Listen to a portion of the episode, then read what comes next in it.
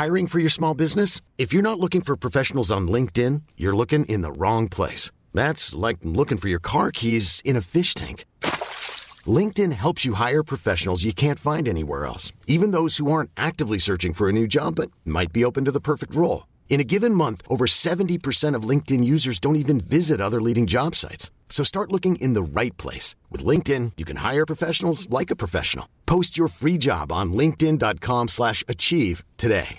This is Paige, the co-host of Giggly Squad, and I want to tell you about a company that I've been loving, Olive and June. Olive and June gives you everything that you need for a salon quality manicure in one box. And if you break it down, it really comes out to $2 a manicure, which is absolutely insane. It's also so easy to get salon worthy nails at home with Olive and June. The difference between how your nails used to look when you did them yourself and now with the Manny system is a complete game changer. The best thing about Olive and June too is it's a quick dry, dries in about one minute, lasts for five days, and full coverage in up to one to two coats. Visit oliveandjune.com slash perfect manny 20 for 20% off your first system. That's oliveandjune.com slash perfect manny 20 for 20% off your first system.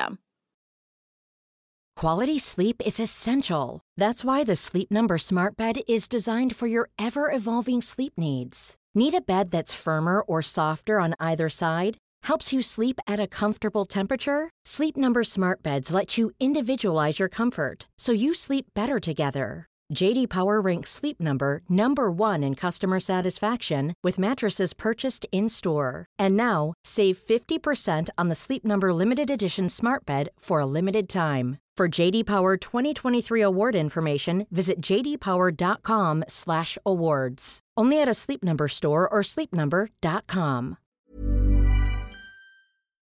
Vi är denna vecka sponsrade av Indie Beauty. Och Sofie, det här tycker jag är extra fint och extra roligt. Ja men Indie Beauty är ju ett skönhetsvarumärke som jag tror att väldigt många känner till, men det jag älskar mest det är att Indie Beauty liksom vill vara mer än bara produkter, vilket de ju också är. Exakt. Indie Beauty står ju för Independent Beauty, skönhet på dina villkor och för din egen skull. Och Indie Beauty tror ju stenhårt på ett alternativt skönhetsideal fritt från måsten, skam och känslor av otillräcklighet. Där är jag helt med Indie Beauty. Jag med. Det är så jag vill att skönhet ska vara. Ja men verkligen. Och vet du vad som är nytt för i år Sofie? Berätta. Från och med i år så skänker Indie Beauty 1% av sin försäljning till Suicide Zero, Tjejzonen och Djurens Rätt. Så när man handlar produkter från Indie Beauty så kan man liksom känna att man också ger tillbaka till samhället. Ja, kraften i tillsammans. Ska jag säga en sak nu då, mm. som jag, det, men det är detta jag är extra glad över. Nu har Indie Beauty tagit fram en keps och den tycker jag ändå så på sommaren, skydda sig från solen. Jättebra, jag älskar kepsen. Men det bästa, de bidrar till Suicide Zeros viktiga arbete för att minska antalet självmord och självmordsförsök. Så för varje såld keps så går hela vinsten, 100 kronor, direkt till Suicide Zero. Då kan man liksom göra nytta både för samhället och sin hud på en och samma gång. Ja, och kepsen kostar 169 men alltså hela vinsten går då som sagt till Suicide Zero. Mm. Så om man vill göra skillnad när man är där ute i solen, nu när den börjar titta fram, då ska man välja den här kepsen. Den säljs exklusivt på indiebeauty.se och på Apotea. Tillsammans kan vi skapa en ljusare framtid. Vi ses med kepsarna på! Tack Indie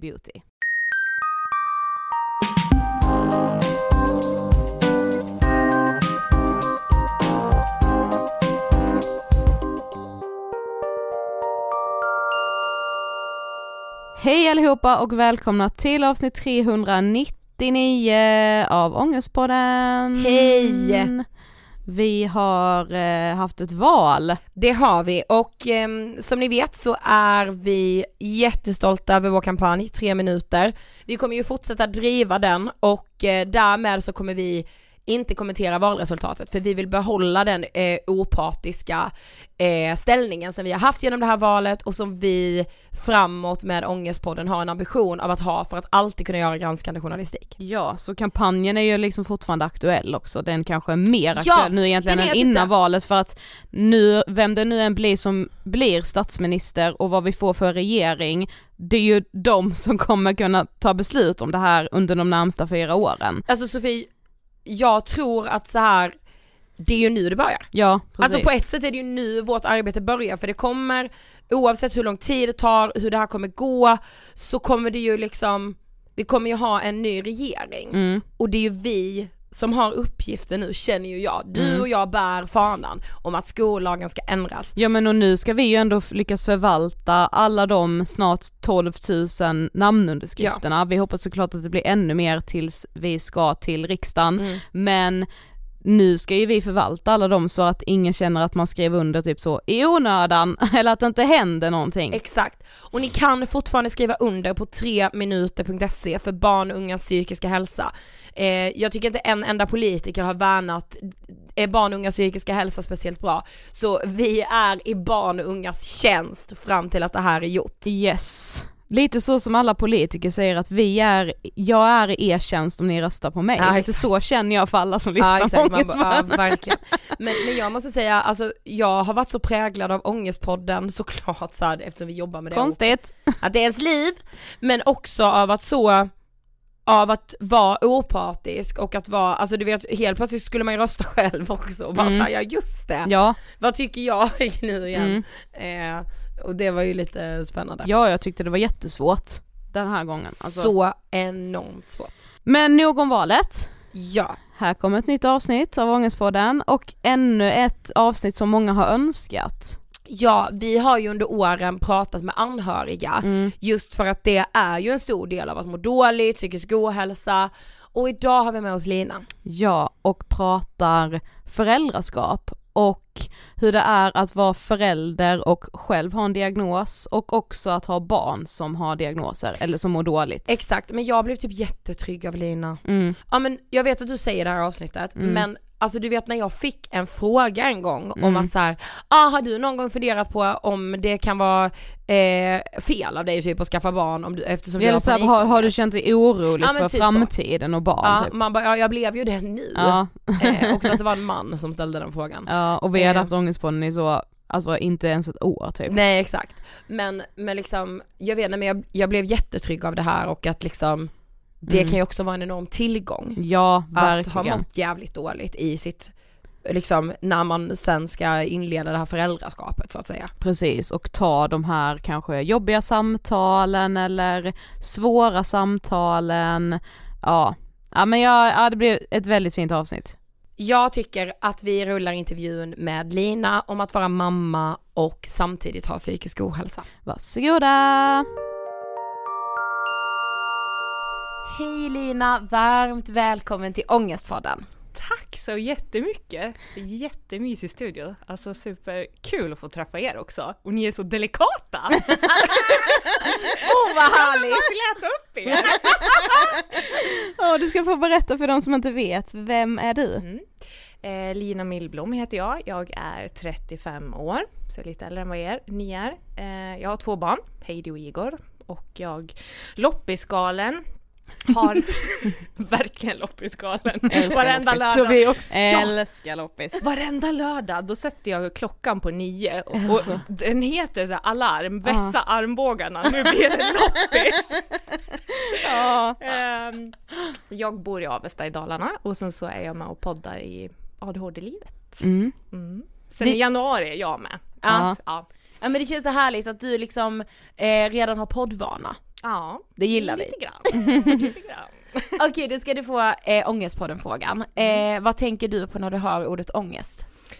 Jag tänker på två saker, för ångest har ju liksom f- ändrat skepnad från när jag var barn. Ehm, nu i vuxen ålder så kan jag ju se att ångest har ju hängt med mig hela tiden. Jag vet inte om ni är, ni är lite yngre än vad jag är. Kollade ni på Mumintrollen när ni var lite små? ja, lite grann. Ja. Lite, ja. Mm. Kommer ni ihåg Morran? Ja. Mm. Ja.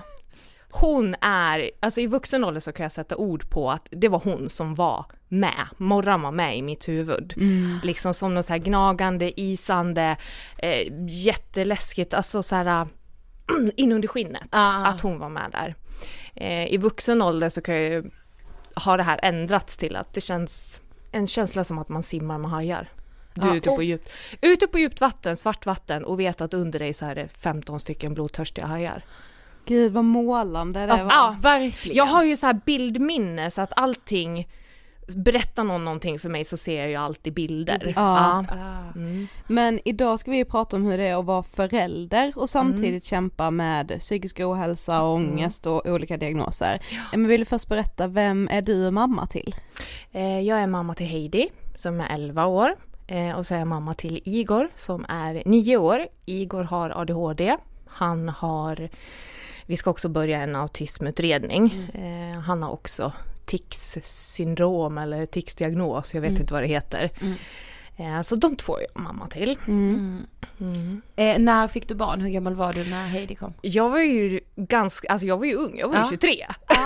och det är ju, eh, ville ha barn. Ja. Eh, Så att det blev tidigt, så jag skaffade, eller skaffade, jag skaffade en äldre pojkvän och han hade barn sedan tidigare så det föll sig rätt naturligt att det Mm. barnet skulle få syskon. Mm. Mm. Så två barn tätt ville jag ha. Ja. Mm. Men om vi backar bandet lite då, när i ditt liv började du må dåligt och hur, hur såg det ut och hur tedde sig den ångesten liksom?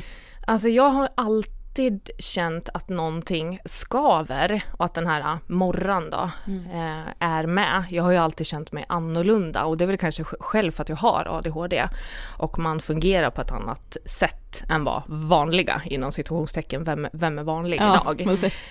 Ehm, jag har ju växt upp med en förälder som missbrukar ehm, och har mm, ja, gett sig på mig eh, och min syster fysiskt.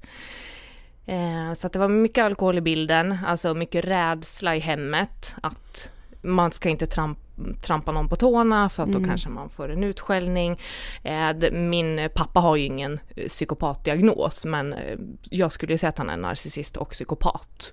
Mycket liksom trycka ner. Skulle jag iväg på någonting, skulle jag iväg på en dansuppvisning eller fotbolls, fotbollsträning, då var det så här trycka ner mig så att jag kommer dit rödgråten och ska upp på scenen och, och dansa. Så att självförtroendet har jag, alltså jag har ju aldrig haft något. Ehm, och har man ingen självförtroende, alltså tycker väldigt dåligt om sig själv och redan har en ångestproblematik och så ska man trösta sig med det som finns nära till hands. Så Mm. att jag har tröstat mig med både eh, alkohol i tonåren och med inte varit så noga vem man har haft sex med, tyvärr. Mm. Men det är liksom uppmärksamhet för stunden. Mm. Mm. Ja, för, för du skrev till oss att när du var liten så Alltså man pratade inte riktigt om Nej. hur man mådde. Var det så i Nej. er familj att säga, nej men det här pratar vi inte om, locket på? Ja, det var locket på. Vi hade ju, jag minns ju en gång, eh, jag snattade ju när jag var liten. Eh, och då blev jag ertappad och eh, Vad hade du snattat? Jag tror jag, jag tror jag hade snattat godis och så var det något Lepsyl. Alltså, så, ja, något sudd kanske. Eh, Men jag blev ertappad då och min fröken, eller pedagog som det heter idag, hon Ja. hade varit på mig några gånger för hon såg väl att det inte var så bra. Så hon hade varit på mig några gånger tidigare och sagt att Lina, om det inte är bra hemma så kan du komma till mig. Händer det någonting hemma? Men jag var alltså nej, nej, det är bra, det är bra. Ehm, men eh, den här incidenten gjorde att jag berättade för henne vad som pågick och sen så eh, tillkallades socialen. Vi har ju alltid haft alltså, fina bilder på mig och min syster hemma. Ni vet den här vita pläden, Ja. uppsatt hår och vita med puffärmar och rosa rosetter. Så att sådana bilder finns ju liksom, eller fanns i hemmet på väggarna. Och socialen kommer hem till oss för att kolla hur det, vad det var för hem. De såg ju de här tavlorna och så sa de att här pågår ingenting konstigt. Ni har så himla fint hem, ni har så himla fina tavlor. Ja, Det är så jävla sjukt. ja. Eh, för två år sedan tror jag det var så ville mamma ge en av de här tavlorna till mig. Ja. Jag vägrade ta emot dem, absolut inte. De där tavlorna vill jag inte se. Nej, som ett jävla hån. Ja, precis. För det blir så här, jag, har haft, jag har haft jättesvårt i många år att titta på bilder på mig själv. För jag ser den här liksom, ja, men, lite så här plufsiga kinder och så här, ser ändå glad ut och blir så här. Och jag tycker det är så sorgligt att, att titta på bilder på mig själv. För att jag vill jag ser inte som mig själv egentligen, men så här, den här flickan, gud varför är det ingen som har räddat henne? Mm. Åh gud. Varför är det ingen som har liksom, vad hade hon kunnat blivit? Mm. Ja. Men visste din familj att du mådde dåligt, alltså att du hade mycket ångest och, och så? Eh, jag eh, försökte ju ta livet av mig när jag var tio. Mm. Eh, för att jag inte mådde bra. Jag var ju retad i skolan. Jag var ju inte en av de här jättesmala tjejerna som spelade fotboll. Jag spelade fotboll men jag tyckte det var jättetråkigt men jag gjorde ju det för, liksom, för att alla andra skulle ska man, ja. Ja men så var det ju liksom. Ehm, så att jag fick ju alltså ofta höra att jag var tjock, att jag var fet, att det här ska inte jag äta. Medan min syster som är mycket smalare än vad jag är, hon fick ju äta precis vad hon ville medan det var så här, ja fast lillen, ta inget mer nu. Mm. Eh, jag, jag själv skadade ju handlederna en gång så att jag, min mamma kom ju på mig men det blev liksom inget mer. Sen blev jag så i tonåren att istället för att vara ledsen liksom det var ju hela tiden det här att ja men tänk positivt, tänk positivt. Och alltså gömma det som finns. Och det, då samlas det bara liksom i bröstet som ett mörker istället.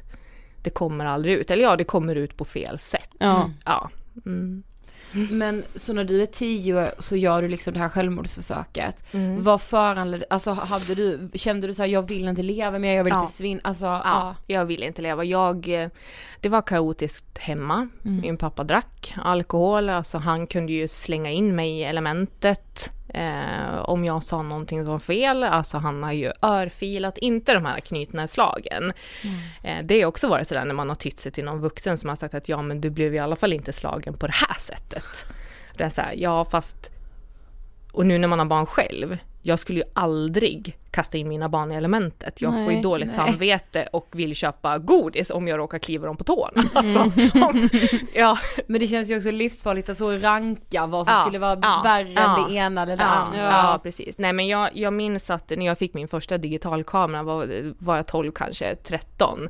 Då tog jag kort på mina armar för de var ju alldeles blåa för att han hade ju liksom tagit och tryckt upp mig mot väggen och berättat hur värdelös jag var liksom. Ja. Mm. Men vad hände efter självmordsförsöket tänker jag? Alltså fick du någon hjälp från Nej. vården eller så? Nej, eh, det här skedde ju i skolan också. Som jag försökte ta livet av mig själv. Ehm, det skedde i skolan. Eh, det blev väl samtal, för jag var ju också lite mobbad. Ehm, det skedde, alltså min fröken då, då eh, pratade med de som hade varit elaka mot mig och sen så var det inget mer. Men Det var ju en annan tid. Visst, Ja. absolut. jo fast det är inte men- så 50-100 år sedan. Nej, alltså. nej, nej, nej, precis. Vad, var jag, 10? Så att det här var ja, 1997. Ja. Så att, Men förstår ni? Och så liksom mm, att man ändå inte Ja. gör en större grej av Nej. det. så att jag hade ju, det spelar ingen roll vad man, alltså om jag mådde dåligt så det var ju ingen som fanns där ändå. Nej. Så att det här vändes ju inåt istället. Mm. Så jag blev ju tonåren, alltså jag blev ju hemsk. Ja för Jag- liksom hur, hur utvecklades din ångest alltså när du blev lite äldre? Du sa det här att du liksom, och det skrev du till oss innan med, Mm. att du liksom, ja men typ så här, ja men självskadade genom att och liksom ha sex med killar Ja. och liksom Jag hade ju sex med de som jag absolut inte var intresserad av. Ja. Alltså vissa kunde ju kalla mig för eh, fet och ful, men sen när de hade fått i sig, då fick jag den uppmärksamheten att de, nu, duger jag, alltså för en gångs skull. För jag har aldrig känt att jag har varit bra nog. Det är i vuxen ålder som jag känner, och det är typ nyligen som jag känner att men fan jag duger. Eh, för det fanns ju inte då. Jag var ju all, jag åkte ju runt, alltså jag, ingen hade ju någon koll på vart jag var någonstans. Det är ju jättehemskt idag att jag liftade. Jag kom ju från Dalarna, jag liftade till Uppsala, jag liftade till Hultsfred, jag lif- liftade till Stockholm. Alltså jag var överallt och liksom, det är ju, hade ju kunnat hänt Ja. värre saker än, än vad det har hänt. Mm. Men när fick du då din ADHD-diagnos? Eh, den fick jag, eh, den, här, den fick jag förra året. Men- så, så nyligen. Mm. Ja, men jag har ju misstänkt länge att jag har ADHD. Eh, min son fick ju en ADHD-diagnos innan mig. Och då börjar man ta reda på vad ADHD är för någonting. För att Ja. i början så tänker man så här, ja, damp. Ja precis, ja. Damp och, nej men. Och när man växt, Ja. har vuxit upp med, alltså det är ju det man alltid har sagt, alltså om Mm. någon var liksom stökig så var det så, men han har damp, hon har damp, Ja, alltså, ja, mm. förhoppningsvis är det lite bättre nu men det var ju verkligen så när vi Ja, gick i skolan 100%. också. Ja, ja, gud ja. Eller om jag så, för att jag skötte mig ju ändå i skolan och det är det som, alltså tjejer missas ju idag för Exakt. att för att vi ter oss annorlunda. Jag Mm. kunde ju försöka koncentrera mig på lektionen men kunde zona ut och liksom, då fick jag skäll för att jag tittade åt ett annat håll Mm. än vad läraren var någonstans liksom. Eh, sen fick jag väl bra betyg i vissa saker men det låg ju så mycket kämpande och jag grät ju när jag gjorde mina läxor alltså. Mm. Jag satt på mitt rum och grät och bankade huvudet i, liksom, i, i väggen. Mm. Ehm, Men har du alltid, alltså vetat att du vill ha barn? Ehm, nej, det har jag inte. Ehm, det kom när jag träffade min pojkvän då, som är barnens, eh, eh, barnens pappa. Ehm, då hade ju han redan en son och då föll det sig naturligt också. Han var ju äldre än vad jag var, han är sju år äldre än mig, det är inte jättemycket men då när jag var eh, 20 Ja. och han är vad var han, ja, 27 och liksom redan har barn, han blev en trygg punkt för jag hade flackat omkring och liksom rastlös, rotlös och liksom s- sov där möjlighet fanns. Ehm, nej men då träffade jag honom och det föll sig, det föll sig naturligt då. Men då tog ju ångesten en, en ny vändning. Ja precis, för hur såg din ångest ut där och då när du blev gravid? Hur mådde du då? Ehm, då mådde jag bra ändå när jag var gravid. Ehm, jag fick ju en förlossningsdepression när jag födde min dotter. För man är van, alltså man är van sen när man är liten att barnet ska komma ut, man ska krysta ut det, man ska få upp det på bröstet och sen så ska allting vara bra. Och med henne så blev det akut kejsarsnitt och jag fick inte hålla henne förrän fem timmar efter. Så att jag fick ju en, och sen hade jag en barnmorska som, var, som jag anmälde efteråt för att hon inte var något bra och hon misskötte sig på många sätt så att vi anmälde henne efteråt. Men då var det så här att jag satt ju och stirrade på henne, alltså på Heidi hela tiden när hon sov. Och skulle jag gå och duscha, då väckte jag barnets pappa och sa nu måste du titta på henne så att hon andas. Och jag fick ju alltså tröst åt mycket. Jag såg faror överallt. Var det någon som rökte på samma gata som mig, då kunde jag skälla ut den personen för att jag, jag var så här, jag måste skydda henne, hon kommer dö, hon kommer dö, hon kommer dö. Alltså den här förlossningsdepressionen liksom. Ja, den sökte jag inte hjälp för, för att jag har ju inte så bra erfarenheter av att söka hjälp. Nej. Nej. Nej men för du skrev till oss också eh, att när du blev gravid så sa du upp kontakten med din Ja. egen pappa. Ja, precis. Det Eh, Varför jag. då eller så, hur, Jag tyck- hur var det? Jag, jag tyckte ju, det här är ju ganska lustigt för att jag fyller ju år i februari. Ah. Eh, I juni så kom han hem till mig. Eh, jag ligger ute och solar. Så kom han hem till mig och sen så började han prata om sig själv. Och han har ju aldrig sagt rätt namn till mig. Han säger ju Malin till mig. Eh, bara en sån sak. Så han kommer hem till mig och pratar om sig själv i typ 13 minuter. Och jag sitter och tittar på han och så tänker jag så här, men ska han inte säga någonting? Alltså jag har fyllt år i februari, eh, han vet det, men han pratar om sig själv och sitt eget. Och då blir jag förbannad och så ställer jag mig upp och säger, "Men kommer du hit och snackar om dig själv efter si och så, så här många månader? Alltså han har ju aldrig egentligen brytt sig. Eh, men där och då, det var inget beslut jag hade tänkt att ta utan det kom i stunden sätta att du, du ska härifrån. Du ska inte liksom, du ska inte vara i mitt liv något mer. Dra åt helvete. Så sen den dagen har ni inte haft någon kontakt? Vi har haft lite kontakt, Ja. eh, har vi, men det är ju inte en far och dotterrelation, det är det ju inte. Nej. Nej. Men du skrev också till oss att efter graviditeten och du nämnde det här men så liksom bytte din ångest skepnad. Mm. Hur menar du då? Ehm, jag fick ju mer ångest. Eh, jag kan ju dela upp min ångest i två kategorier. En, vi kan säga en vardagsångest. Jag vet inte hur jag ska Ja. uttrycka mig. Men också den här dödsångesten. För lite, ändå om jag har haft ångest hela livet så har jag på något sätt varit lite odödlig. Mm. Eh, man är väl det när man är ung liksom. Eh, men nu är det så här, när jag känner mig som lyckligast så känns det som att det, det är någon som kan picka mig på axeln och liksom, det här kommer försvinna. Det här, det här kommer sluta existera och jag kan tänka på alltså, döden på ett annat sätt. Alltså dödsångest, jag lurar inte i mig själv att jag är sjuk eller sådär men, men just att det känns som att döden är alltid närvarande och jag har ju fått det är därför jag springer omkring så mycket kan jag tänka också och ha fyra jobb eller tre eller vad det nu är idag för att jag inte ska hinna tänka liksom på, Mm. på det här. Eh, och det vet jag också idag att eh, när jag skaffade barn så visste inte jag att ångest var ärftligt. Mm. Vilket jag vet idag. Mm. och min dotter har ju precis samma sak. Mm. Mm. Så hon har ju eh, ångest idag eh, och den här som jag kallar dödsångesten eh, där hon bara kan liksom, hon får panikångestattack och hon vet att hon en dag ska dö och hon skakar, hon hulkar, alltså hon mår så dåligt så att hon är inte kontaktbar. Eh, så hon går ju just nu i samtalsterapi och den här samtalsterapin har hjälpt mig också, för jag sitter ju med där. Hon vill att jag ska vara med. Mm. Uh, jag har sagt att om du vill så får du vara själv, men jag kan också vara med. Mm. Uh, men det känns ju, alltså, det ändrar ju lite så spelreglerna för allting och få barn. Så att helt, ja, för du har hjärtat utanför kroppen hela tiden. Det är som att du springer runt med den i handen och ing, liksom, inte, inte ett fjun får liksom träffa det här, för att mm. då kan allting krackelera. Mm. mm. Men du skaffar ju ändå ett barn till. Var ja. det liksom ett enkelt beslut? Alltså även fast ah. du hade känt, alltså.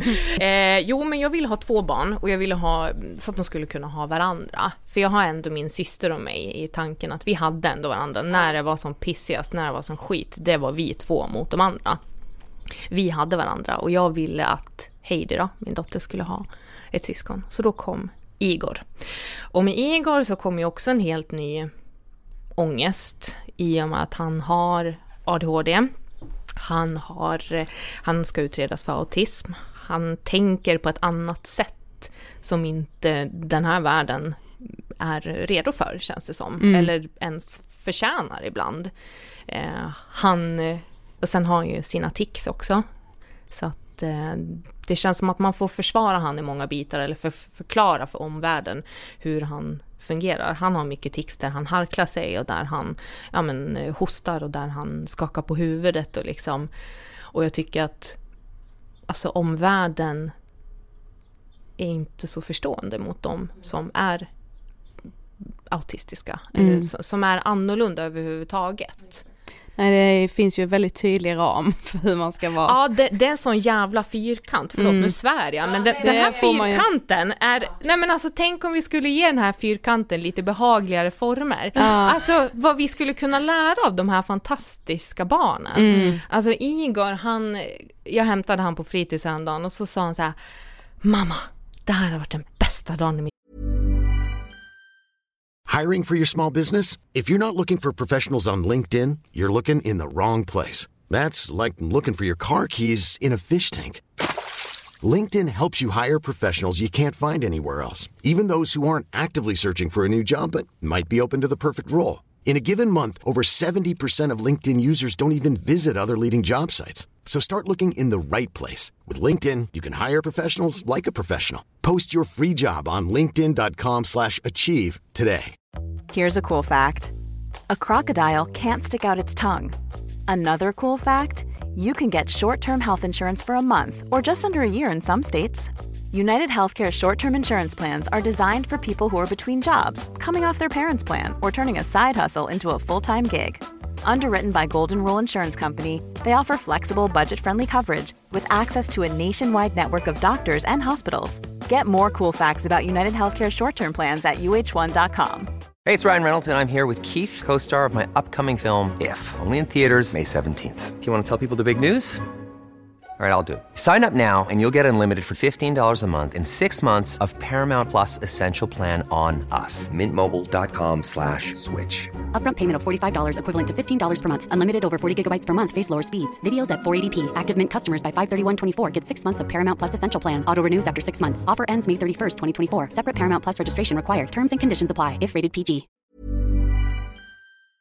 Liv. Och jag tänker så här, oj gud har han fått klass till efterrätt eller har han, har han hittat en hundring eller vad är det? Jag har sett en katt!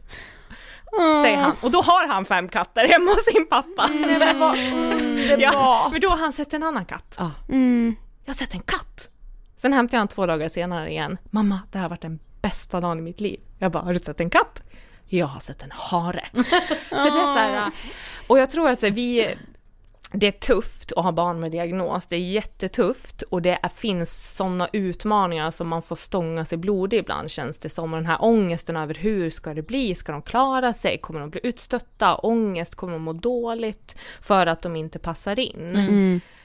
Eh, men just också att vara NPF-förälder gör att man uppskattar de här, så här små sakerna i vardagen också, så att det inte bara dåligt, absolut inte. Nej. Absolut inte. Men så här, små saker i vardagen som att han, han såg en katt. Mm. Vilken unge säger att det är den bästa dagen i ens liv? Mm. Eller som att han fick, på sig, han fick på sig strumporna och är jätteglad liksom. Titta mamma, jag har fått på mig strumporna. Det är så här, vem är glad för det? Men då blir jag jätteglad också. Mm. Såklart. Ja. Men nu fick ju du din ADHD-diagnos eh, sent liksom Ja. för typ ett år sedan. Ja. Men hade du liksom ändå någon gång tvekat på att skaffa barn just på grund av din egna psykiska ohälsa? Det är liksom, du, vi, vi sa ju n- när Mm. vi skulle göra det här avsnittet för vi får väldigt mycket liksom Ja. frågor om det och som vi sa innan att så här, när vi hade haft ångest på den inte alls länge så gästade vi en annan podd där Mm. Ja. den frågan kom upp att ja men Ida har du funderat på ifall du skulle skaffa barn om de skulle ärva din Mm. ångest och d- liksom det har levt kvar i oss sen dess Ja. så det är flera år sedan.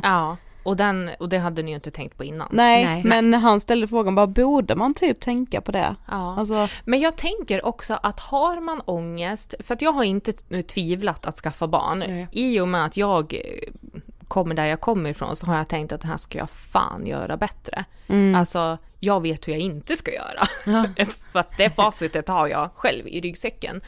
Eh, men jag tänker också att den här ångesten kan vara till något bra. För det är samma sak med, med min ADHD-diagnos. Även om jag fick den för ett år sedan så kan jag hjälpa Igor på ett annat sätt än om jag inte hade haft den. Att jag förstår han att när det liksom, när det brinner i huvudet på honom och han är ledsen och han är arg så förstår jag han på ett annat sätt. Att den ångesten då kan vara till en fördel. Ja. Samma sak nu med min dotter Heidi när hon fick en panikångestattack. Det såg ju jätteläskigt ut men hade jag aldrig haft en sån då hade jag kanske, men gud vad händer, vad händer, vad händer, prata Ja. med mig, prata med mig, att det hade blivit så. Så att nu när hon fick den här panikångestattacken, då satt jag och strök henne på ryggen och sa andas ut.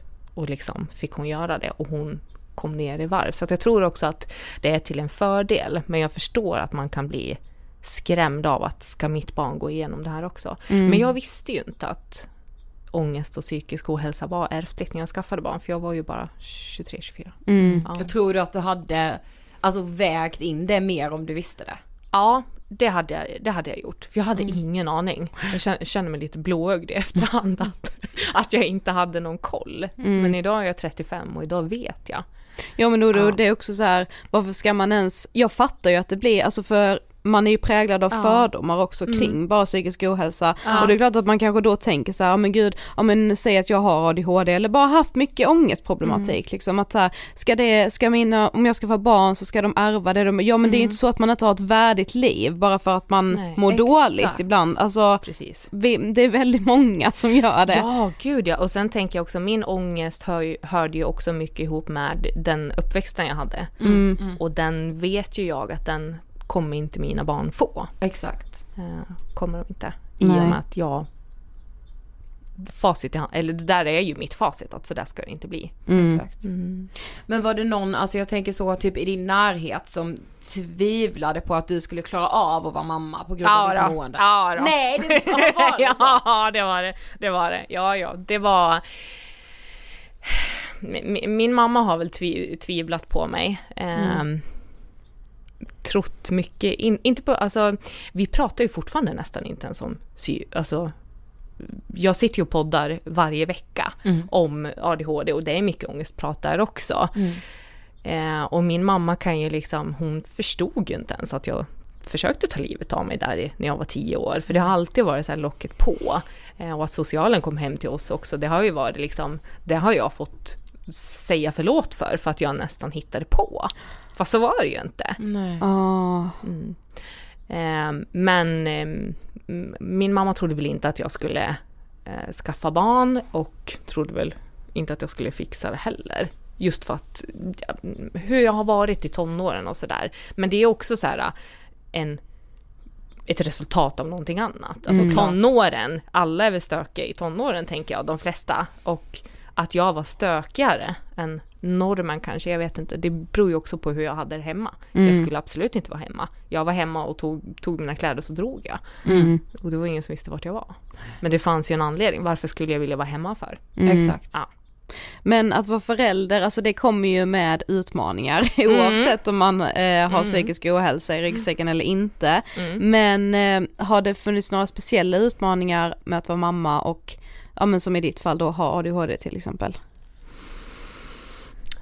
Ja, alltså just det här med Heidis eh, dödsångest som jag kallar det. Ehm, jag kan ju också få att hon vill prata väldigt mycket om den och det gör vi. Men det är tufft att jag kan få liksom säga till Heidi att nu, nu måste mamma pausa lite grann. Mm. Ja för att det Ehm, blir jobbigt nu- för dig då, ja, din, ja. Ja, precis. Nu, nu ska mamma gå och duscha.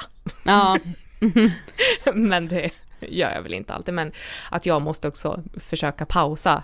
Eh, och vi pratar ju om allting, det, det gjorde ju inte jag och mina föräldrar. Men eh, vi pratar, men att vi kanske liksom måste dela upp det för att det blir lite för mastigt. Mm. Och sen just att vi har tagit hjälp nu av en samtalsterapeut så att hon kan få prata med någon, ja men typ KBT. ja. Och hon är så jävla bra, jag vill ta hem henne. Alltså hon är så bra. Mm. Hon är ju helt fantastisk. Mm. Men en sak som jag har tänkt på som eh, idag kan du ju inte vabba till exempel för att ditt barn har psykisk ohälsa. Nej. Har ni tänkt på det? Det, Mm. det är ju helt sjukt. Ja. För jag menar man vabbar ju, man, vissa vabbar ju liksom för minsta lilla förkylning, alltså, Ja. och det kanske man ska men jag menar, alltså att vabba för ångest vore Ja. ju eh, väldigt mycket rimligare i många fall. Mm. Nej, för jag skulle, jag skulle vabba en gång när, när Heidi hade varit vaken på, på natten och sen, eh, men alltså det finns ju inte att välja. Det Nej. finns ju magont och det finns ont i huvudet och det finns förkylning och det finns Nej jag visste öron och ögon. Nej, för att det, när man ska vabba så får man liksom fylla i varför du har vabbat. Var det Ja. inget psykiskt? Nej, nej, nej. Nej, det finns inte. Det finns Ja, förkylning. då får man välja finns... ont i huvudet typ. Ja, nej, liksom. men, ja, ja, men jag har tagit ont i magen för att Ja, för det är ju ångesten ändå finns. lite- Ja, precis. Ja men det är ju ändå Ja. helt Ja. sjukt. Men en gång så gjorde jag ju så att mm, övriga besvär och så får man fylla i, då skrev jag ångest och panikångest Ja. och då, Mm. då blev ju jag uppringd och frågade vad jag menar för någonting. Va? ja! Och det är också så här. Och då ifrågasatte de och då skulle de ha, de har numret till barnens skola för det är sådana uppgifter som alltid finns kvar. För att de kan ju ibland vilja kolla att man faktiskt har vabbat och att man inte har suttit på någon uteservering och haft det gott. Men, och jag bara, men ni har numret, det är bara att ringa. Heidis fröken vet det också. Ja.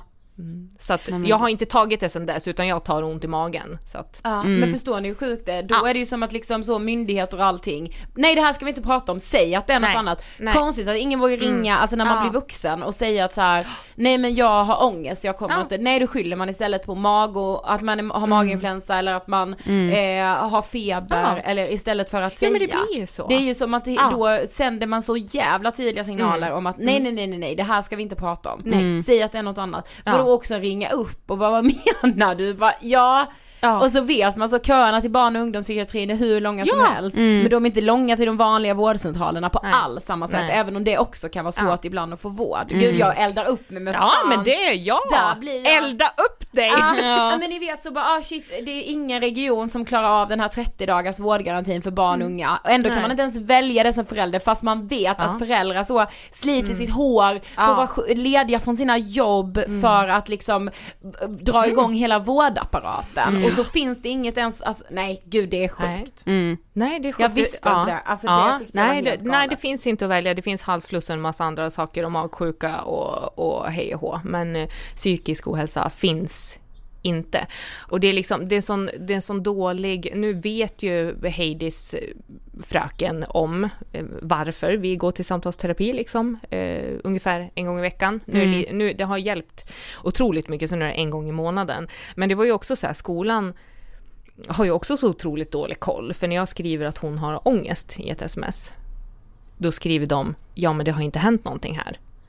Ja men det sa jag inte. Nej. Men, det, men hon har ångest, hon kommer vara hemma idag. Ja. Och liksom, det är som att det måste hända någonting. Ja. Man kan bo i ett bra hem, alltså man kan ha tak över huvudet, man kan få bra mat, liksom ha kompisar, fortfarande ha ångest. Det behöver inte ha hänt något traumatiskt Nej, att någon har exakt. dött. Nej precis. Eh, och det är också sådär att Heidi frågade ju en eh, på sin skola eh, som jobbar där varför, varför man skär sig i handleden, för hon hade väl sett den någonstans. Det gör man för att få uppmärksamhet. Ja, Åh fy fan, åh fy fan. ja. Och då blev jag också förbannad. Alltså fy fan vad vidrigt. Ja, ja. Så det, är, det är så mycket korkade så här, saker och Man ja, tror inte att sådana saker lever kvar, alltså för det har ju Mm. ändå hänt väldigt mycket i de här liksom, Mm. ja men i samtalet kring psykisk ohälsa, alltså man tror ju inte att Mm. sådana helt sjuka sägningar Ja. lever vidare. Jo då, jo då.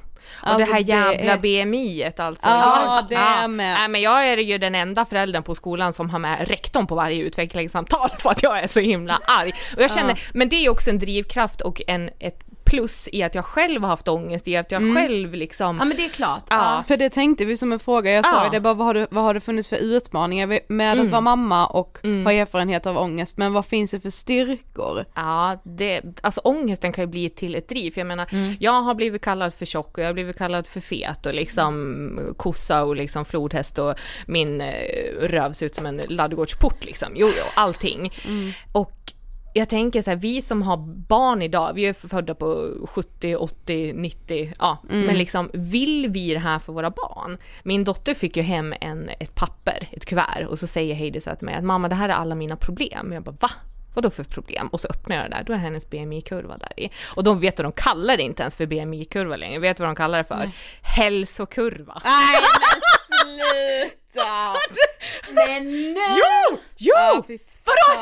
Och jag, Hälsokurva! Ja, ja, ja. Det är så sjukt. Jag menar så här, jag har ju, jag sa det tidigare, men jag har ju eh, jag jobbar ju som, gym, eller som vad heter det, gruppträningsinstruktör också, Ja. så jag har ju jobbat inom träning i sju år, eh, liksom träning och hälsa och då blir jag så här, hur mäter ni, hur, hur mäter ni hälsan då? Ja. Jag är ganska jobbig, jag ifrågasätter Det ska allting. man vara, men att man Ja. ska behöva För det. det är ju också det här drivet att jag ifrågasätter, okej, vad, vad, vad är syftet med att skicka hem det här? Vad är syftet att, eh, vad vill ni säga med det här? Alltså, är, är det att mäta hälsa? Den här jävla kurvan, det säger ingenting om hur mycket hon kan jula, hur mycket hon kan dansa, om hon har kompisar, om hon sover, om hon är glad, om hon är ledsen. Det säger ingenting. Nej, Nej. fy fan vad sjukt. Ja det blir jag faktiskt Hälsokurvan, jag Men det, är också, dör. ja, men det är också det att jag har ju tagit bort, vi har ingen våg hemma.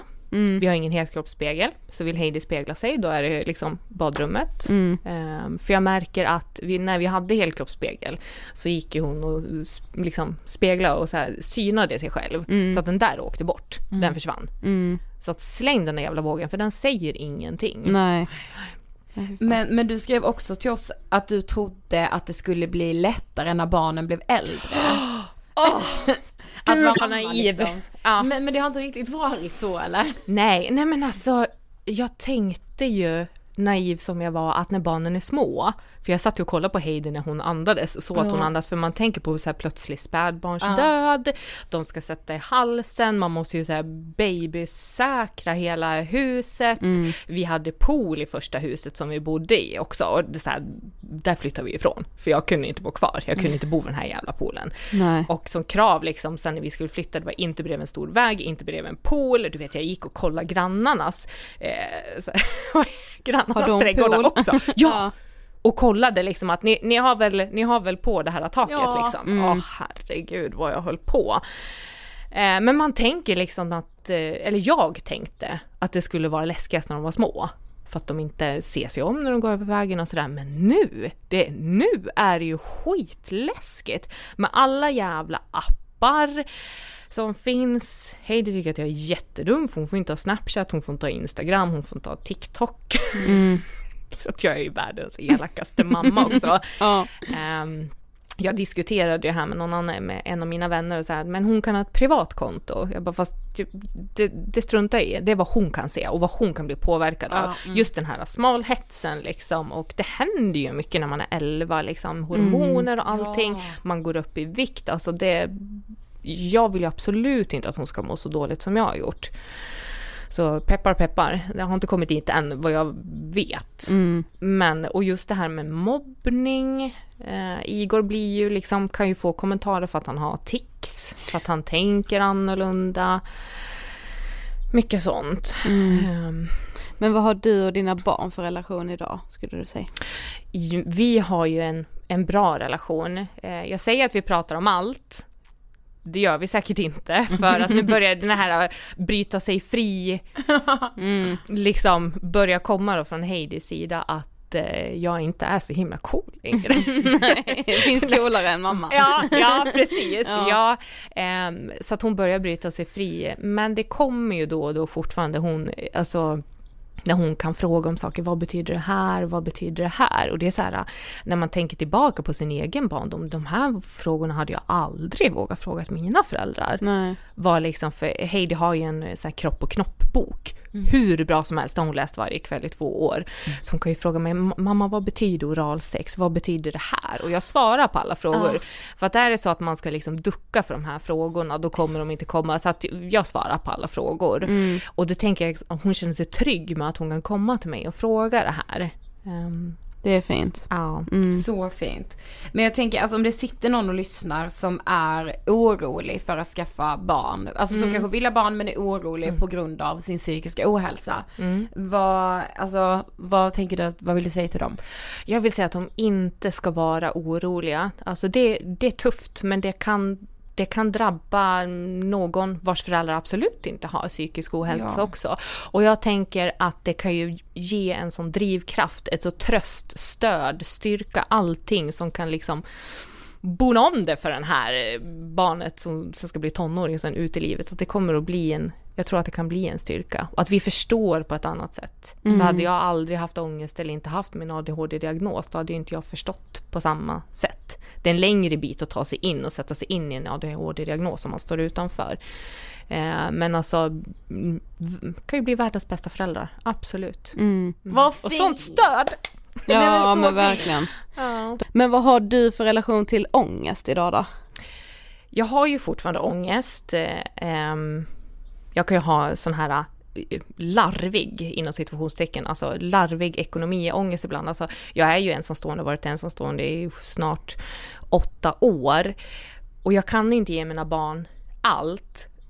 Nu tänker jag så här ma- materiella saker, som till exempel när jag hade flyttat från barnens pappa, då låg jag och grät varje natt i typ ett år för att jag inte kunde ge barnen en gräsmatta och en, liksom en studsmatta, för det hade de hos sin pappa. Men jag tänker så här, det här, det är inte det viktigaste heller, utan att barnen får känna sig trygg, trygga i miljö, att de har någon att prata med, att de känner att så här, jag har gjort en dum grej, men jag kan komma till min mamma och berätta det här utan att, utan att hon blir arg. Jag kan säga precis vad jag vill. Ehm, det som jag saknar från jag var liten är ju någon som lyssnade och också det här att de här orden, jag förstår dig, eller liksom de, att det är okej. Ehm, men det är lättare sagt än gjort. När varje timmen kommer då ligger jag ändå där och grinar över att Ja det är lätt att säga när man sitter och poddar att det inte spelar någon roll, men känslan är inte alltid med liksom. Men så är det ju med all ångest nej, tänker jag. Nej, precis. Men det, det som barnen kommer att komma ihåg sen när de blir stora, det är ju inte liksom vilken jävla fräsig studsmatta de hade liksom. Nej. Utan Nej. det är ju det så här äh, relationer. Ja, Ja, exakt. precis. Och, och känslan av att säga gud mamma förstod mig när jag liksom Ja. mådde dåligt Ja. eller när jag Ja. Och det ska man verkligen tänka på med den här styrkan det kan vara, alltså Ja. själv ha upplevt mycket ångest. Gud ja, Mm. verkligen. Mm. Då har vi kommit till sista frågan. Yes. Vad inspirerar dig? Två saker. Folk som sprider kunskap, alltså ni sprider kunskap, herregud. Folk som sprider, alltså så här om autism, om, om diagnoser, om ADHD, om psykisk ohälsa, om allt möjligt. Alltså folk som sprider kunskap och är liksom brinner för det de gör, Mm. vilket ni gör. Ja finns jätte- tack. Det finns jättemånga. Och sen givetvis eh, mina barn inspirerar mig. Och det är just det här med Igor då, till exempel att han, han såg en katt. Mm. Och det var, hans, det var världens bästa dag. Och sen också min, eh, min dotter har ju eh, även mm, klimatångest. Ja. Eh, hon tycker att det är jätte, jätte tufft den biten. Så att vi brukar sitta och kolla på YouTube över de här eh, människorna, eller barnen som, som rensar upp jorden. Eh, och hon är ju så himla cool. När hon var nio så gick hon fram till så fyra stycken 14-åringar som hade kastat en petflaska i sjön. Och hon kliver fram i bikini och bara Nu tar ni upp det där på en gång! så att och hon skäller, du vet om folk kastar en fimp, Ja. då är hon där som en ettrig liten eh, Ja. hund och bara skäller. Så att alltså så cool och bredvid står jag med stora ögon och tycker bara såhär wow, fan vad ball du är. Ja. Så jävla fint. Mm. Eh, om man vill lyssna på din podd, vad heter den och var finns den? Då heter den, eller min, ja det, jag hoppade in i januari. Mm. Den heter ADHD lev ut, finns på där poddar finns, Ja. Spotify, Podbean. Ehm, jag hoppade in i januari, det var två stycken tjejer som hade den först, Mm. Jeanette och Linda. Jeanette hoppade av och sen hoppade jag in. Mm. Så nu är det du och Linda som kör. Jajamän, och vi kör varje vecka. Mm. Släpps på söndagar. Yay. Tack så jättemycket för att du ville gästa Ångestpodden. Tack för att jag fick komma. Tack. Ja, alltså jag älskar ju Linas, och det tror jag verkligen är en av fördelarna med att själv ha mått dåligt eller må dåligt och vara förälder samtidigt. Just det här brinnet som man Ah. får för, eh, inte bara sina egna barn utan för just psykisk ohälsa i allmänhet, alltså typ liksom så här i skolan, på utvecklingssamtalen Mm, eller mm. så som Lina berättade, alltså just det här, jag bara satt och tänkte det när jag eh, när vi spelade in att så här, det här är också en fråga som man typ vill liksom driva på något sätt just att så här, när man ska sjukanmäla sig eller när en förälder då ska anmäla att man ska vabba Ja. så finns det liksom ingenting som har med psykisk ohälsa att Det göra. sjukt. Och det gör ju med att det blir liksom statistiskt fel. Ja. För att man förstår då inte hur många som lider i det tysta och man Exakt. har liksom heller aldrig någon möjlighet att liksom visa systemet att man mår psykiskt dåligt. Nej. Eh, ja. Tack så jättemycket Lina för att du ville komma och dela med dig så öppet här i Ångestpodden.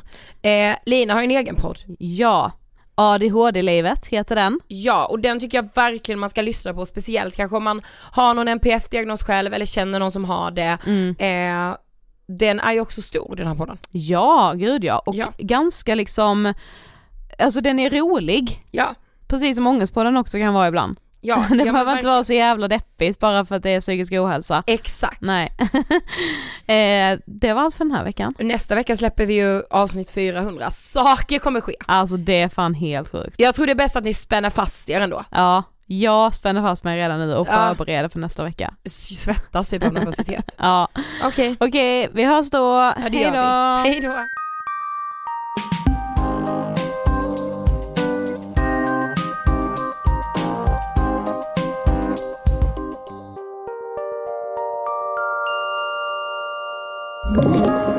Podplay.